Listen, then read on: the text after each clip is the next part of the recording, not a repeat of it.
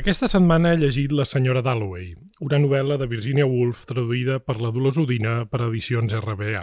Com que ja portem quasi una quarantena d'illes de maians a la faixa, i aprofito per agrair-vos la confiança a tots els oients, avui em permetreu una petita confessió.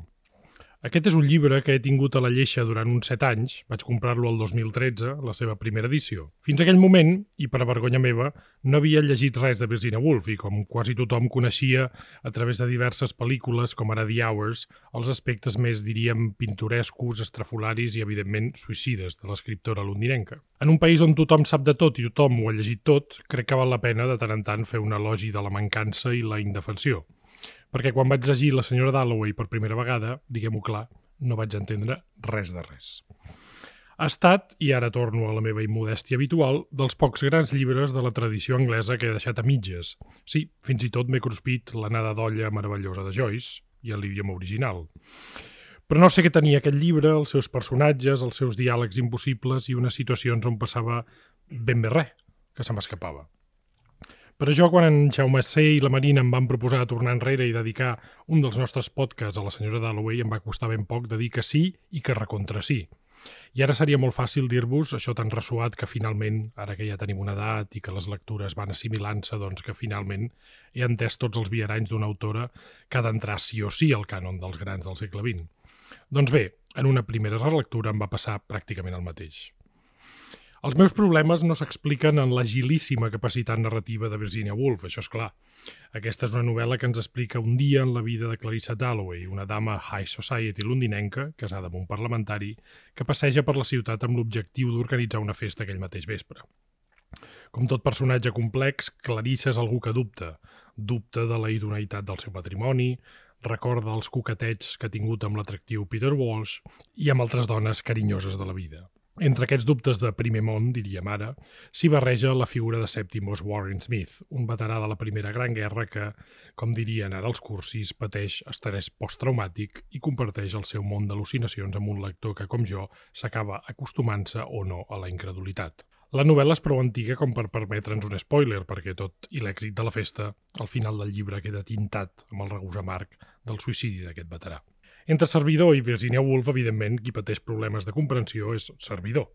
Faltaria més. L'autora és genial, inaugurant un storytelling que consisteix en les disquisicions de consciència d'uns personatges crepusculars i folls. També és extraordinari afilant la decadència d'un món ordenat i previsible, el de la festa de Clarissa, que acaba fatalment tintat amb els horrors que preludien un univers, el de l'endemà, que atacarà tot el segle XX d'horror. Finalment, tendeixo a pensar que aquest problema, el d'una certa indefinició del lector o indefensió, és indispensable a l'hora de rellegir la literatura de Woolf, una autora d'una complexitat mental, i per què no dir-ho, psiquiàtrica, que la fa diferent a qualsevol altre text. I és això, en definitiva, el que fa gran una novel·lista, que t'obliga a llegir-lo, a rellegir-lo o a rellegir-la d'una manera que mai no és la que esperaves. Aquesta és, doncs, una novel·la que no he pogut cruspir-me mai del tot, que ha hagut d'esperar tant de temps a la lleixa, segurament perquè és un grandíssim text i calia que agafés pols i que provoqués una certa por, un cert respecte. I si avui encara necessito demanar ajuda als meus corresponsals en el món de la narrativa per tal d'entendre'l, doncs es diu i no passa res. Aquesta setmana he llegit La senyora Dalloway, de Virginia Woolf, però, per sort meva, no ho he fet sol. Amb mi ho han fet l'escriptor Jaume C. Pons a l'Orda i la crítica Marina Porres. Soc en Bernat de Déu i sou a l'illa de Mayans podcast Dona Llibres. This is my island in the sun Where my people have toiled since time begun. I may sail on many a sea. Her shores will always be home to me. Oh, island in the sun Ill to me by my father's hand. All my days I will sing in praise of your forest waters, your shining sun.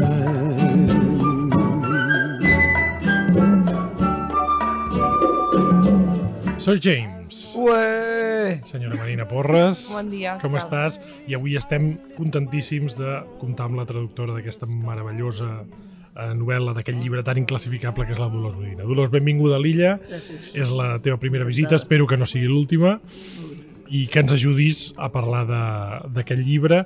Aquest llibre és un, va sortir el, a l'editorial RBA l'any 2013, suposo que el, de, el devies traduir abans, i abans que res, si et volia preguntar, clar, si a mi em va costar d'entendre o a un lector li pot costar d'entendre, traduir aquesta bestiesa et deu Em fer, deu fer, deu fer suar tinta, oi? Sí, sí, em va costar molt, em va costar molt sobretot entendre, entendre els camins que agafava la Virginia Woolf. No? Per exemple, la, la primera cosa aquesta, que el, el primer paràgraf, cap problema. Tot és molt fàcil. Bueno, tot Però no, a partir, però, a partir d'aquí la cosa però va clar, el segon ja, que se'n va 30 anys enrere, em va costar molt, em va costar molt fer aquest, aquest pas enrere, no? Que no... Uh -huh. Vaig fer una trampa que va ser veure la pel·lícula de Mrs. Dalloway, del... Mhm. però que em va anar molt bé. Em va anar molt bé perquè eh, canviava l'actriu, a més a més, eh? la Vanessa Redgrave, i no me'n recordo qui era la jove. És a dir, els, llavors- flash, els flashbacks els eren, cap eren enrere. dones I diferents. llavors pensava, però, però, però què, què està explicant? No puc entendre que de cop hi hagi els nens a la platja, que ella estigui a Londres comprant flors, vull dir que era tot, tot molt... Però després de veure la pel·lícula, la veritat que ja vaig entendre de què anava i llavors... Bueno, és molt difícil, és cada, cada frase, o sigui, fra frases que no entenia, no? La posava a internet, 25.000 treballs, que no me'ls llegia, òbviament, no? Però vull dir que la, la idea és que, que és, és molt difícil d'entendre què t'està dient. Ara, quan ho entens, se t'il·lumina la vida. O sigui, uh -huh. no, no només la pàgina, sinó veus, ostres, és, és tan, tan, tan brillant, tan il·luminadora que... Uh -huh. O sigui, vaig passar per la fase d'enlluernament i d'il·luminació, no? Les, les dues. Diries que és el llibre més difícil que has traduït, probablement? Més difícil, no sé si la paraula és difícil, perquè la, veri- sempre ho trobo molt difícil això de traduir, però sí, sí que és el més, el que m'ha demanat més, el que he après més a traduir, o sigui, el que m'ha ensenyat més a traduir, el que he donat més i el que m'ha donat més, no? És el, és el llibre de la meva vida, de moment. Uh -huh. doncs, eh, doncs, caram, quina responsabilitat avui parlar-ne. Uh, sempre acabem, i després li demanaré a la Dolors amb alguna sintonia que el nostre protagonista d'avui o convidat uh, li recordi aquell llibre, però si haguéssim de començar el programa amb una sintonia, jo hagués triat Help dels Beatles, perquè avui nece- necessito tant que la, la Dolors i, i que el Jaume i la Marina m'ajudin, perquè realment és un llibre que et deixa esbatenat, Jaume. No sabem, sabem ben bé què s'hi explica, però la perspectiva des de la qual ens ho explica l'autora és d'una novetat i d'una complexitat extraordinària, oi? Absolutament, i permet-me que celebrem d'una gran, amb una gran eufòria que no de les Udina hagi pogut venir acompanyant-nos per celebrar a Virginia Woolf amb una traducció esplèndida, la traducció a la seva vida, tot i que ha traduït altres grans noms com Naldous Huxley, na Janet Winterson, premis Nobel com Alice Munro, o en Coetzee, també na Jan Rhys, o jo tinc una predilecció molt especial, i ell ho sap, en Naime Bender, en les seves criatures obstinades sí. de Club Editor, que és un d'aquests llibres també a la meva vida que m'encanten, malgrat sigui I, raríssim, I no? jo la tinc en Coetzee, o sigui que qualsevol persona que hagi traduït Coetzee a casa sí, Fantàstic. sempre tindràs la taula parada, un plat de... Perquè, perquè estem parlant d'algú a qui, a qui estimem molt. I de fet, En molta qualsevol, gent... tots, tots grandíssims autors Au, estàs parlant. de, de gran nom, més de 200 títols.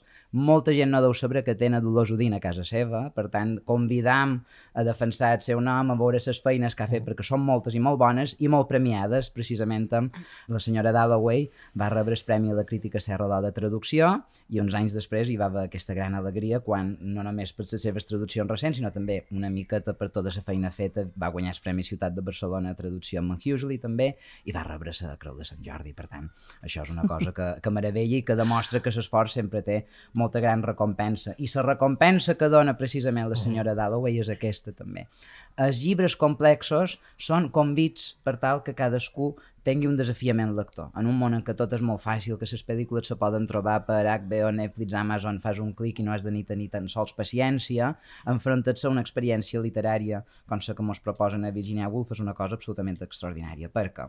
Explicarem quins són els recursos que han fet que Virginia Woolf sigui una prosista extraordinària i una narradora que se va avançar a la modernitat. En aquest sentit, hi ha un afany experimental. És així. Quan la Virginia Woolf va començar a publicar els seus llibres, hi havia una detecció per part de la gent que la llegia que estava davant un artefacte literari novedós.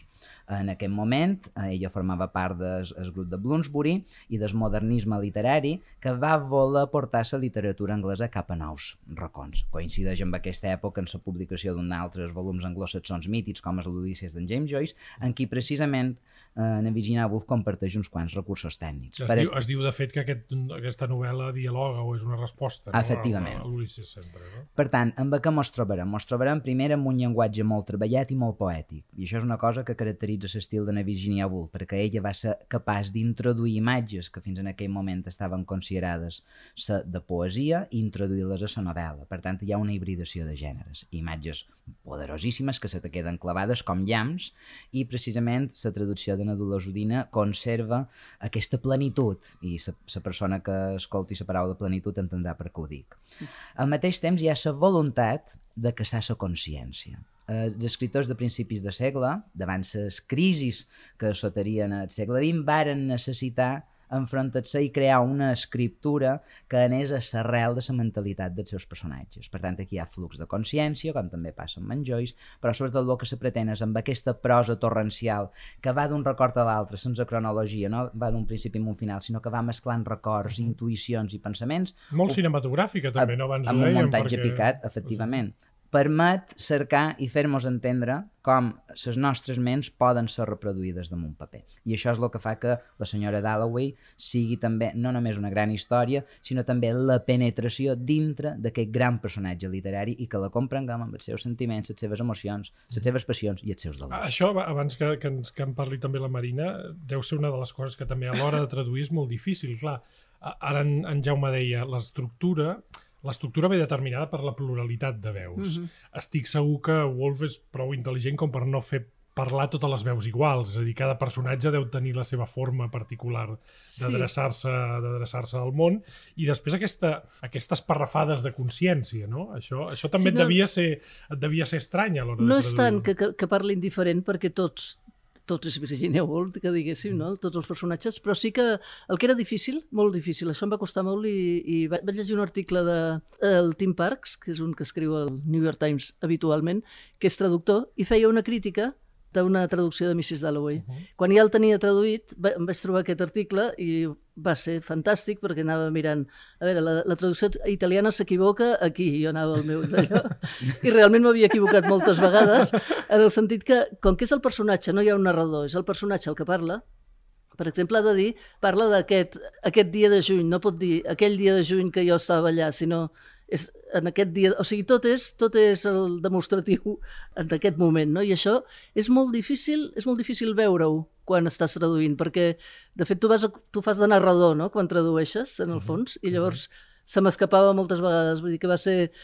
Va, és molt interessant això de veure crítiques, crítiques bones de traduccions, primer que t'ensenya molt a veure com és el llibre, però és que a més a més t'ensenya molt a traduir, clar. Que, quan, que di, quan dius el demostratiu vols dir que sempre està parlant en present? A, a... Bueno, perquè és que el que és el problema, el passat sí. i el present són una mateixa cosa en Virginia Woolf. Exacte. I clar, això és molt fondo, això, perquè determina la posició de tothom al món. Això passa amb, amb Faulkner i passa amb Proust. És quan Faulkner uh -huh. diu there is no was, no hi ha... Clar, perquè el passat i el present són una mateixa cosa Exacte i tot s'acumula al temps el de la narració. Exacte. I a més a més aquí hi afegeixes, i això jo crec que el que és meravellós al llibre, que clar, la veu salta de cervell en cervell dels personatges. Exacte. Clar, no és tant que canvi la veu, sinó uh -huh. que canvia el cervell on estan instal·lats exacte. els ulls que t'estan sí, sí, explicant sí. les coses. I que és una bogeria. Exacte, per traduir, perquè la no manera sé... de parlar no canvia, eh? O sigui, no... no... És tot el mateix Estàs en el mateix... Sí. És el mateix però, registre, però diferents mira, consciències. Mira, potser s'entén més veient-ho aquí en Peter podia ser intolerable, podia ser impossible, però era durable per passejar amb ell un matí com aquest. Clar. El normal és posar un matí com aquell, Clar. no? perquè està, ho està explicant. I d'això n'hi ha bastants. I, clar, bueno, algun l'havia enganxat, però molts no. O sigui, la, bueno, res, que, és a dir, hi havia, vaig tenir l'ajuda. És a dir, hi havia, hi havia moltes mines en aquest, sí, en moltes, aquest text, moltes, per, moltes. per dir-ho així. Això, o sigui, si normalment després de fer la, el, el primer i el segon esborrany, que són els, els importants, llegeixo la, la cosa quatre o cinc vegades, val a dir que cada, com més gran em faig, més vegades ho llegeixo, però vaja, aquí ho vaig llegir deu vegades. O sigui, mm. deu vegades vaig passar pel, pel llibre i a cada lectura com que ja va bastant més net, et vas fixant en una cosa més... més... Més concreta, evidentment. Marina, eh, tot i aquesta multiplicitat de consciències, hi ha aquest personatge adorable d'aquesta senyora extraordinària que, que, sí. que fa la seva popa, anava a dir la seva pròpia Bildungsroman, però és una Bildungsfesta, no? Perquè, perquè ella el que fa és tot el dia passejar-se per la ciutat, que és un altre dels protagonistes, no? Sí, sí, sense, sense anomenar-la, la ciutat és un... sense anomenar-la d'una manera molt realista, la ciutat uh -huh. hi és, però és un personatge apassionant, no? perquè és una senyora molt curiosa. O sigui, jo crec que aquest és un dels llibres, o sigui, un d'aquests llibres que marquen el segle XX sense, sense cap mena de dubte. És una novel·la importantíssima, és una novel·la que, més, com deies, requereix molt esforç, però dona, quan hi entres, una recompensa mm -hmm. tremenda. És a dir, jo crec que tots els llibres de, de Virginia Woolf són interessants, però això és el seu punt àlgid, però pel fet que aquesta és una novel·la no només sobre una senyora, sinó sobre la història d'un país sencer. O sigui, és que és una novel·la que carrega tot el pes d'Anglaterra des de l'edat mitjana mm -hmm. fins a la Primera Guerra Mundial. I clar, això és molt fàcil de dir, però molt difícil d'escriure. Jo crec que aquest llibre és una, una magnífica carta d'amor i de fàstic cap a Anglaterra. És una novel·la que marca perfectament el final d'una època. Aquesta novel·la està publicada l'any 25, però ambientada l'any 23, i per tant mm, Virginia Woolf està intentant ensenyar tots els efectes de la destrucció d'una guerra mundial sobre la seva ciutat i sobre els seus habitants. I ella va dir que té escrit per, no sé on, i em sembla que, que la Dolors ho diu a l'epíleg, no? diu, tinc la impressió que puc incorporar en aquest llibre tot el que he pensat a la vida. I quan el llegeixes, tens la sensació que mm -hmm. això és així. Mm -hmm. I, clar, és, és bastant fort estar a, a l'alçada d'aquesta frase. Mm. Jo crec que a Mrs. Dalloway hi ha realment la, la grandesa de, de l'imperi anglès i la seva decadència tota l'hora.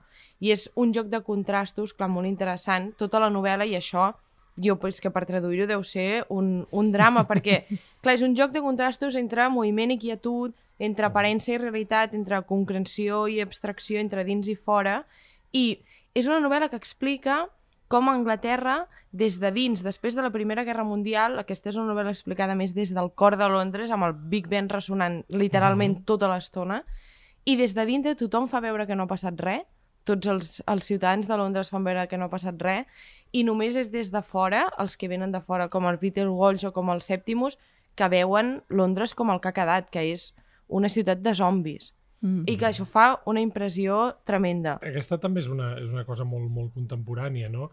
Aquesta, aquest procés històric eh, que descriu la Marina d'un gran imperi que ja veus que va a la baixa i en una ciutat que es torna un cert deliri, uh -huh. eh, queda contrastat entre la festa, eh, en una festa que es fa com si no passés res, uh -huh. i aquesta figura adorable, meravellosa, segurament un dels grans personatges que jo he llegit, que és el Septimus, sí. que és aquesta, sí, sí. aquesta consciència de la guerra absolutament quebrada, no? Totalment. És a dir, hi ha, hi ha aquesta idea de la senyora Dalloway que, que reflexiona sobre el seu passat, però encara des d'una des èpica nobiliària, no? I jo uh -huh. no sé per què m'he casat, o jo he pogut tenir coquetejos amb, amb senyores, i després aquests, aquests éssers absolutament destrossats, no? Uh -huh. aquests, aquests paios que després veurem en la, en la narrativa del vin, en la literatura americana, en la literatura de guerra, però que aquí estan descrits amb una traça brutal. Sí. El, el Septimus és un personatge extraordinari. Sí, sí. I la dona del Septimus també, també és un personatge que fa molta que t'agrada molt quan l'estàs llegint.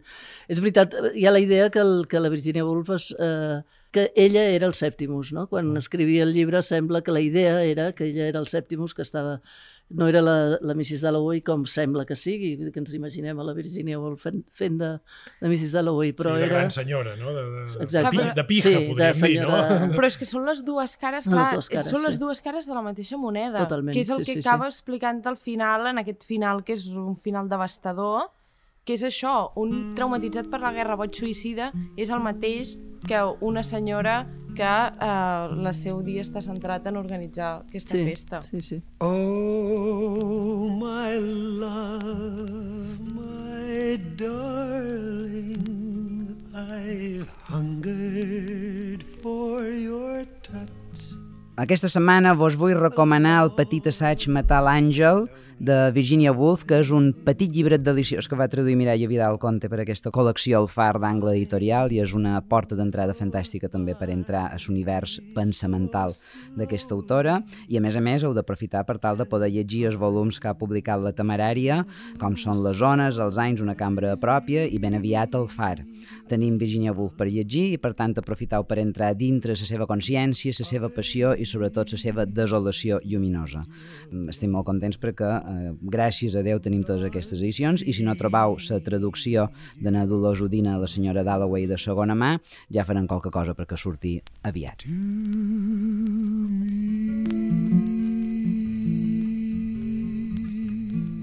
Suposo, Jaume, que això, és la, que això fa que aquest text llegit avui tingui un especial, especial vivó, no? perquè també estem, amb- o si més no amb la sensació de, de, de viure un món que s'acaba, eh? d'un món Ara, ara deia la, la Marina un món de zombis. No és estrany que part de la narrativa televisiva que s'imposa ara tingui el zombi com un dels seus grans protagonistes, amb The Walking Dead. Amb... No només, eh, potser The Walking Dead és una sèrie molt explícita, però sí que és la, la, mm, la metàfora d'un món que, en el qual molta gent va tirant, però mm. la totalitat del qual s'està acabant. Eh? Hi ha un imperi que s'acaba, hi ha una ciutat que era nobiliària i comença a tenir desigualtats socials evidents, i mentre la gent segueix fent festa mm. com si no passés res. És un, un llibre també molt interessant de llegir postpandèmicament. I no només postpandèmicament, hi ha un article molt interessant de na Marina Garcés que explica l'auge dels zombis a la societat Mhm. contemporània i és perquè simbòlicament som zombis.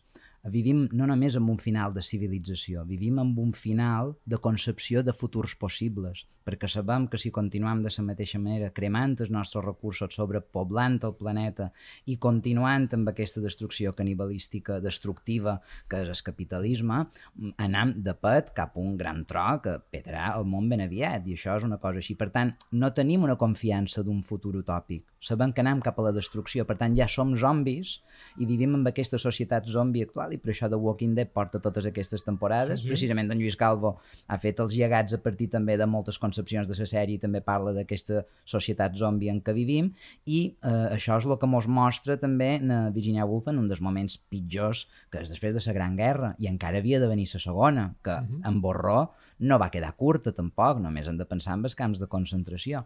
Però el tema és que llegir d'avui en el segle XXI la senyora Dalloway i sobretot la traducció de na Dolors Udina mm, és que mos trobam amb un tipus de literatura que se practica avui i que en certa manera ni tan sols no anant més enllà. I això és el que fa que sigui fascinant. Va ser una obra que un segle endarrere va saber preveure quin tipus de literatura seria necessària en aquest món destruït per la guerra, un món que, com un au fènix, havia de ressuscitar les seves pròpies cendres. I per això llegit avui és un llibre que no se diferencia gens amb una novel·la que podria escriure una persona no només de, de, del món anglosaxó, sinó també, per exemple, la literatura catalana, en què hi ha també molt de flux de consciència, molta poesia, mm -hmm. i ho hem pogut veure amb llibres que han vengut aquí a l'illa de Mayans. Per tant, això és el que fa que sigui un llibre fascinant, perquè és un dels volums que vesteix els fonaments de la literatura de la modernitat. A- Això també es veu, suposo, en, els, en les, i aquí també devia suar, en les parrafades d'ella mateixa quan, quan Mm. parla sobre la seva vida, no? Sí, sí, sí. També és un personatge femen- femení molt particular en la manera que té de recordar Sí. les coses, Sí, oi? sí, sí. la manera que té d'adoptar, Mm. no? De- de- d'explicar-se la seva mateixa història.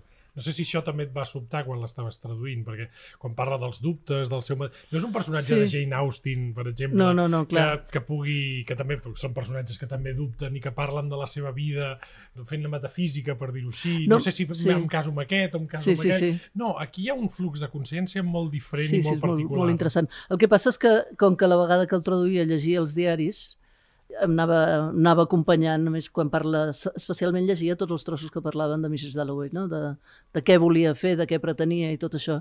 És molt vida real, també, la, la, com és la senyora Dalloway, bueno, pot ser qualsevol senyora així una mica, una mica ben posada, que diguéssim, no? No em sorprenia el que pensava, No. sobretot perquè llegia els diaris, no? Llavors em va ajudar, és que aquest llibre a seques, traduir-lo era molt, Clar. molt dur, no? perquè no, no, no, bueno, sí que sabia qui era la Virginia Woolf, no? però no, no...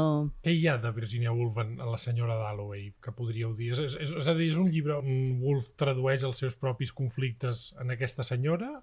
Sí, jo el que sí que veig és que hi ha aquesta desorientació total que es veu en el llibre i que hi ha els dubtes, hi ha la voluntat de veure fins on pot arribar cadascú amb els seus pensaments i amb els seus actes, que és una senyora que això li preocupava infinitament fins a quin punt podem llegir-nos a, a nosaltres mateixos. Mhm. I hi ha una cosa molt... Clar, és que el, el problema d'aquesta novel·la és que és una novel·la de destrucció, però al final de la senyora Dalloway hi ha l'imperi anglès. És a dir, hi ha la civilització anglesa reforçada. És una novel·la pacifista, és una novel·la contra la guerra que t'està dient que després de la Primera Guerra Mundial el que queda a Anglaterra és la civilització anglesa amb la idea dels seus fondos reforçats. Sí, hi, ha, hi ha- una, una escena, em sembla, que descriu molt bé això, i, i, i potser no la recordo bé perquè, clar, les escenes aquí van i venen, que és la irrupció d'un cotxe, em sembla, en un Al mercat. començament. Sí. Un mercat El carrer, el carrer Sí. on, mateix. el, Sí, el sí. carrer, oi? On no se sap ben bé qui és, qui, qui hi ha és dins. fortíssim. És una metàfora i una escena que em va frapar perquè Ah. arriba un cotxe, avui en diríem un cotxe oficial, Sí. I ningú no sap qui és. I estan els vidres... Eh, estan no els veuen, vidres sí, sí. tintats i tothom es pensa, serà el primer ministre. Sí, sí. Clar, allò, és, allò és Anglaterra. No? Clar, És a totalment. dir, allò, A més, ella és a dir, està dintre d'una botiga, allà hi ha silenci, ella està protegida, fora hi ha soroll. És tot el rato aquesta dicotomia de Eh. el silenci de dintre, el soroll de fora, que això també és precisament el drama de la senyora Dalloway. O sigui, la senyora Dalloway és una senyora que té una obsessió tremenda per les coses concretes, que Mm. és tan magnífica aquesta novel·la comenci de dir la senyora Dalloway va dir que ella mateixa compra- compraria les flors perquè si la senyora Dalloway no té cura dels detalls, si no focalitza en les Sí, coses sí. com, eh, concretes, té una llau de records i una llau de Que- dubtes sí, sí, sí, que que no pot. impedeix de Ah. viure. I aquesta idea, que està a la primera frase, um, aguanta fins al final. I clar, el que acaba dient... Vols dir que, que ella, va, ella va ordinar els detalls de la festa d'alguna manera per no pensar, és a dir... Home, és una senyora que té servei. És una senyora... No, hi ha cap, no té cap justificació que la senyora Dalloway compri ella mateixa les flors. Tot està pensat perquè la senyora Dalloway no hagi de sortir ella a comprar sí, les sí. flors. Ella va comprar les flors per un motiu i al final és per no suïcidar-se que va comprar les flors. Uh -huh. O sigui, va És comprar les flors per perquè no li passi món, sí, sí. com a Septimus Warren Smith, que s'acaba de tirant per la finestra. Clar, I clar, la... Si no es distragués, per dir-ho així, amb, amb, amb futilitats... I si no es concretés- Acabaria, acabaria Sí, sí. destrossada Però ella ho per la diu, seva pròpia aquest consciència. final torrencial on ella t'acaba dient que no se suïcida perquè té un marit que llegeix el Times, perquè viu en una casa on se sent el Big Ben a fora. I clar, és que de dir, és una societat hipòcrita, és una societat decadent, però és una societat fortíssima. I és una societat molt contradictòria on una senyora com Mrs. Dalloway pot, ens pot acabar dient que no se suïcida perquè el seu marit llegeix el Times i que estima la vida amb una passió absurda i fidel, però perquè la seva vida està lligada a la història Clar, d'Anglaterra. que això també és una, és, és, una cosa molt anglesa, diguéssim. Sí, total. Sí, Perquè sí, sí. ara que, i torno a la narrativa televisiva, ara que s'ha- s'han tornat a posar de moda sèries com The Crown, uh, i estudies el... A The Crown, per exemple, hi ha un episodi que suposo que a tu, Marina, et va agradar molt, que és l'episodi d'aquell aturat que vol entrar al Palau Reial per explicar-li a la reina la Mhm. situació social del Sí, sí. tatxerisme, perquè ell pensa que la reina està allà aïllada, no se n'assabenta de res, i no la vol robar ni res, sinó dir-li, majestat, mm, sàpiga que el seu poble... Clar, eh, eh, quan tu veus aquell capítol, veus, veus hosti, que aquell, aquell tio que està desenganyat amb la Thatcher, que està cabrejat perquè la seva dona s'ha casat amb un tio més guapo, que està cuidant els seus fills, aquell home va a Buckingham Palace. És a dir, no munta una mani, ni munta un programa No, de no. tele, Sí, no, sí, no, sí. se'n va veure la reina. Per què? que- Que és l'important. Perquè, perquè, ah, Tots els altres clar, són- No, no munta un reality show, no, no, el tio, el tio se'n va allà, a passa, a més hi ha unes escenes molt divertides, molt, jo diria molt wolfianes, a les quals es, es, es fot una ampolla de vi del Sí. celler, del Sí, celler sí, sí. reial i el tio arriba fins la cambra nupcial i té una entrevista, podríem dir una entrevista com les Sí, que sí, tenen sí, els, parla. els líders amb el, amb, el, amb el monarca i li diu el, el que està passant no només per ell, sinó perquè li importa Anglaterra i li diu, majestat, això està... Diu, diu, aquesta tia està destrossant el país. Clar. sempre hi ha aquesta sensació de que, no, que l'imperi és una cosa molt important, Sí, sí. de la qual, evidentment, estem en aquesta taula molt, molt, a favor, molt a favor. És a dir, és una, una defensa cultural, en el fons, no? Jaume, Ah, agònica, total. però cultural d'uns principis bàsics. Jo només diré que na Virginia Woolf era filla d'en Leslie Stephen, que era novel·lista, historiador, assagista, biògraf i un dels noms claus de l'època victoriana. Per tant, se va criar en ple victorianisme i això ja ens dona una concepció de, de la monarca, d'aquell temps, d'aquell període, com d'Anna Marina plena d'hipocresia, perquè l'època victoriana tenia aquesta qüestió, que per davant semblava que tot anava molt bé, que hi havia problemes a les colònies, però bé, ja en parlarem, tot funcionava de conya, però després els monstres estaven per davall hi ha un assaig molt bo que s'ha dit The Worm in the Bat d'en Wolf que diu que es, agafa la imatge del cuc dintre de la rosa i diu que uh -huh. pot ser la rosa és molt bonica per fora però hi ha un cuc que està corcant la rosa i parla que se, segurament la societat victoriana va ser una de les més perverses sexualment que existia sí, sí. i això va ser molt reproduït després en dues obres que defineixen l'època victoriana com són Dr. Jekyll i Mr. Hyde per una banda d'en Stevenson però també el retrat de Dorian Gray d'en Oscar Wilde per tant mos parla de darrere de la façana hi ha molta putrefacció tanmateix aquesta façana no impedia que en Virginia Woolf se relacionés perquè anaven a visitar-los a casa seva com a filla d'aquesta gran figura en Alfred Tennyson, en Thomas Hardy en Henry James, per tant ella va assistir a un Flor, espectacle flor innata de la intel·lectualitat. Absolutament. Per tant, ella tenia un món i aquest món era on se va aferrar a través de la cultura, va ser escriptora i se va criar en un ambient d'artistes, fins en el punt que també a casa seva, quan se varen morir els seus pares, varen convertir eh, el seu espai vital com un espai d'acollida i així va néixer el grup de Bloomsbury. I allà, per exemple, hi van anar moltes persones com Niam Forster, na Vanessa Bell, pintors, escriptors, i després altres que potser no varen formar pròpiament part del grup, però hi havia en T.S. Eliot que els visitava, hi havia a Catherine Mansfield, i hi havia a Vita Sackville West, que, Carai, que és va a ser dir- una de és les amants de és, na a- és, Virginia és a dir, Woolf. unes reunions per les quals nosaltres Sí. vendríem el, Clar. el nostre escàs patrimoni per, per haver-hi estat, Clar. perquè clar, allò devia ser una festa. I jo vull explicar la conclusió aquesta, no? Una persona quan ha assistit en aquest espectacle de, de grans ments intel·lectuals, de gran art, de grans representacions i sobretot de grans expressions, se troba en la trista realitat del món, que és que el món s'està esfondrant, hi ha un auge del feixisme, eh, eh, eh, en el mateix moment en què en Virginia Woolf veu que- veu que la cosa se comença, veu aquest mm, antijudaïsme que comença a néixer a Alemanya d'una manera molt greu, i clar, vull dir, això és devastador, per tant, realment, tota civilització pensa que s'acabarà i, i, i és apocalíptic, això és cert, però clar, quan veus certs esdeveniments aquí, demostres que ella ho agafa, ho converteix en un material literari per dir que tot és fútil, que res no serveix de res. Ara bé, els petits objectius com anar a comprar les flors són el que ens salven de la devastació total. I peeked in to say good night. Jo us recomano una altra gran escriptora que la vaig llegir mentre estava llegint la senyora Dalloway i per tant el record se'n barregen i crec que és una barreja interessant, que és la poeta Emily Dickinson i us recomano, aquesta és la meva carta al món, l'antologia de poemes escollits que va editar Proa fa no gaire i que va traduir Marcel Riera. For her hair.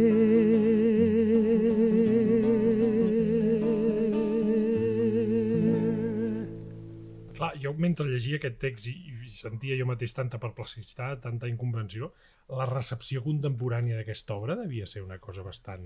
Bastant bast- difícil. Bastant difícil. Totes les seves obres, i a més ella estava molt atenta a veure si se'n venien o no se'n venien. Va costar una mica, però, però déu-n'hi-do, eh? Vam- eh, Mrs. Dalloway exactament va ser de les, que, de les que va tenir èxit més de pressa, perquè després amb el, les ones, per exemple, li va costar molt, vull dir que, que és una, una de les obres que va, va tenir el retorn bastant aviat, la Virginia Woolf. Aqu curiosament. Aquesta, com tota la literatura de, de la Woolf, suposo que està determinada pel seu final tràgic, és a dir, no sé si al final el que va explicar i el que s'explica aquí fins i tot va ser massa dur per ella, creieu que, creieu, creieu, creieu que és, o creieu que és una llegenda que s'ha que s'ha establert així... No, però a Mrs. Dalloway hi ha una advertència aquí. És a dir, amb, i amb això que deia el, el Jaume, que o sigui, és un món que s'esfondra, però té, jo insisteixo, té sentit, té pes, és important. Però el que passa en aquest llibre és que tothom és vell. En aquest llibre, tothom que surt en aquest llibre és vell. En aquest llibre només hi ha gent que té records. Per tant, és com si estigués eh, ensenyant les restes d'un naufragi i, a més a més, el perill o l'advertència ve per als fills d'aquests protagonistes del llibre. Perquè el, la filla de la senyora Dalloway és una noia que se sent estafada per la generació dels seus pares. I clar, aquí és on veus el que, el que Virginia Woolf també volia advertir, no? O sigui, que aquest trauma de la guerra ha afectat d'una manera Mm. en els pares, però en els fills ha afectat d'una altra, com, i la Sí, filla, sí, els ha de deixat fet, tollits. Els i de, la filla explícitament ho diu, o sigui, és que tot el que em proposa, tot el que em proposeu, eh, no ho acabo de veure. O sigui, és això, se senten estafats. Llavors, la senyora Dalloway, o sigui, Clarissa es pot salvar, diguéssim, perquè està dintre d'un sistema molt afermat. Però, clar, al final del llibre diu, ella s'havia escapat, però Septimus no. Per tant, hi ha el risc de que no et puguis eh, escapar. Sí, perquè a més a més hi ha una cosa magistral també, i és que com tots els grans autors, Virginia Woolf ens enganya, i el personatge de, de Septimus hi ha molts moments que et sembla graciós, perquè realment Mm. les, les, Sí, sí, sí. és, és, clar, és, Clar, és, és, un, sí, és, sí. és un mig sonat, un delirant, Sí, sí, sí. però que a més a més delira, i suposo que això et devia ser, deli... jo tinc ganes de llegir-lo amb l'idioma original, perquè et deu delirar amb un idioma, no obstant, molt, molt, molt, molt ric. És a dir, amb un anglès no, no, no, és, un, no és un paio simple, no un foll, Mhm. sinó un tio que té unes, unes al·lucinacions extraordinàries i que té, com tot foll té una certa lucidesa. Sí, sí, sí. Llavors, clar, tu te'l vas estimant, llavors fa que aquest final et vagi directament al fetge, quan la festa no és tan bonica com ens havíem imaginat, Uh -huh. que és un preludi de tot el que vindrà, de dir, nois, aquí la façana es mantindrà, però el sotabosc és terrible. Vaja, és una bufetada al Sí, final sí. del llibre La, que et deixa... la imatge d'ella a la finestra mm, mm, pensant amb el Sèptimus i amb la, amb la debacle, com si diguéssim, és, és, molt, és molt bonica aquella imatge, no? De veure Bueno, bueno, com la senyora Dalloway veu, veu al final de tot. I la torna, o sigui, Virginia Woolf la torna un monstre al final. Sí. Perquè ella, clar, Sí, no sí. veu cap altra sortida per sobreviure. Clar, ella primer queda frapadíssima, perquè hi ha un senyor que, a més, s'ha tirat per la finestra cridant, aquí ho teniu. Sí. Clar, és aquí, suïcidant-se dient, aquí ho teniu és molt fort. I llavors ella el, es trastorna, el compadeix moltíssim, però al final la conclusió final de Mrs. Dalloway és si jo penso en aquest tio, m'acabo tirant per la finestra. Per tant. He de- he- concreció, concreció, Clar, concreció, i, ci- acaba cini- dient... I cinisme per sobreviure, no? Si, perquè si sí, no... sí, i, i per tant, acaba dient, ell s'havia suïcidat, però ella no el compadia.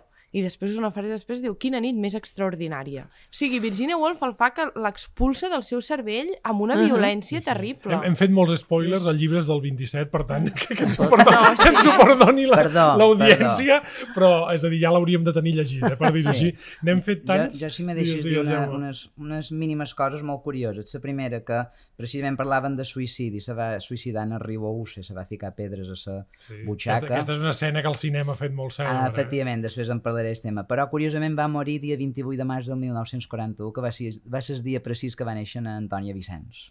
Curiosament. Mira.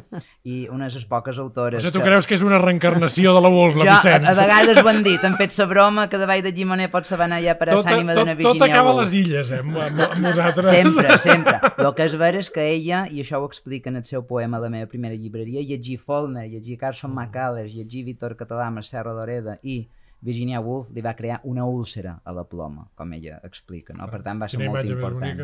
És molt bonica.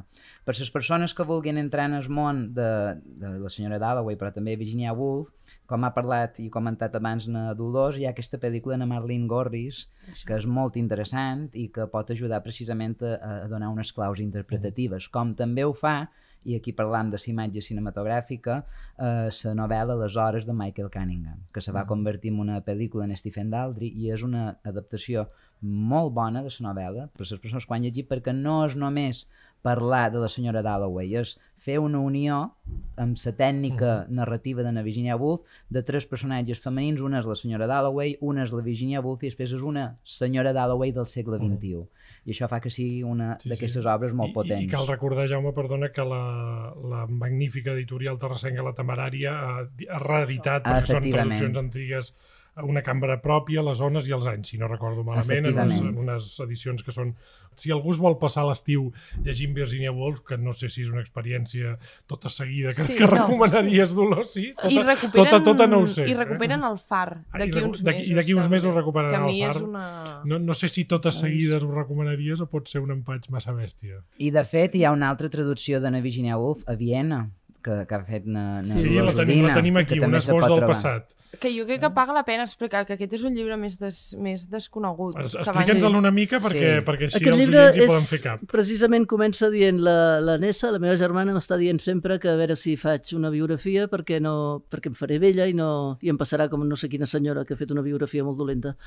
Explica la infantesa, sobretot els estius a Saint Ives, i explica, fa molta gràcia perquè diu, clar, jo que sempre he, he, pensat com s'han de fer les biografies, no sé pas com fer la meva biografia, no? I és, el que és molt interessant és la, les petites coses, com es fixa, bueno, com passa a totes les novel·les, no? que, el, que està feta de petites coses que, que et prenen una dimensió bestial. Per exemple, explica, recordo una vegada que anava a la falda de la meva mare i el, el vestit que portava tenia tal color, a partir d'aquí, o sigui, va, va elaborant a partir de, de detalls particulars, que diu que és la, que per ell és la manera, diu, quan llegeixes una biografia acabes sense saber que, qui era la persona, no? perquè no t'explica les, realment les vivències. I el que és molt interessant és que veus moltes coses que li passen als personatges, sobretot a les zones, que els personatges estan bastant, bastant tocats. De...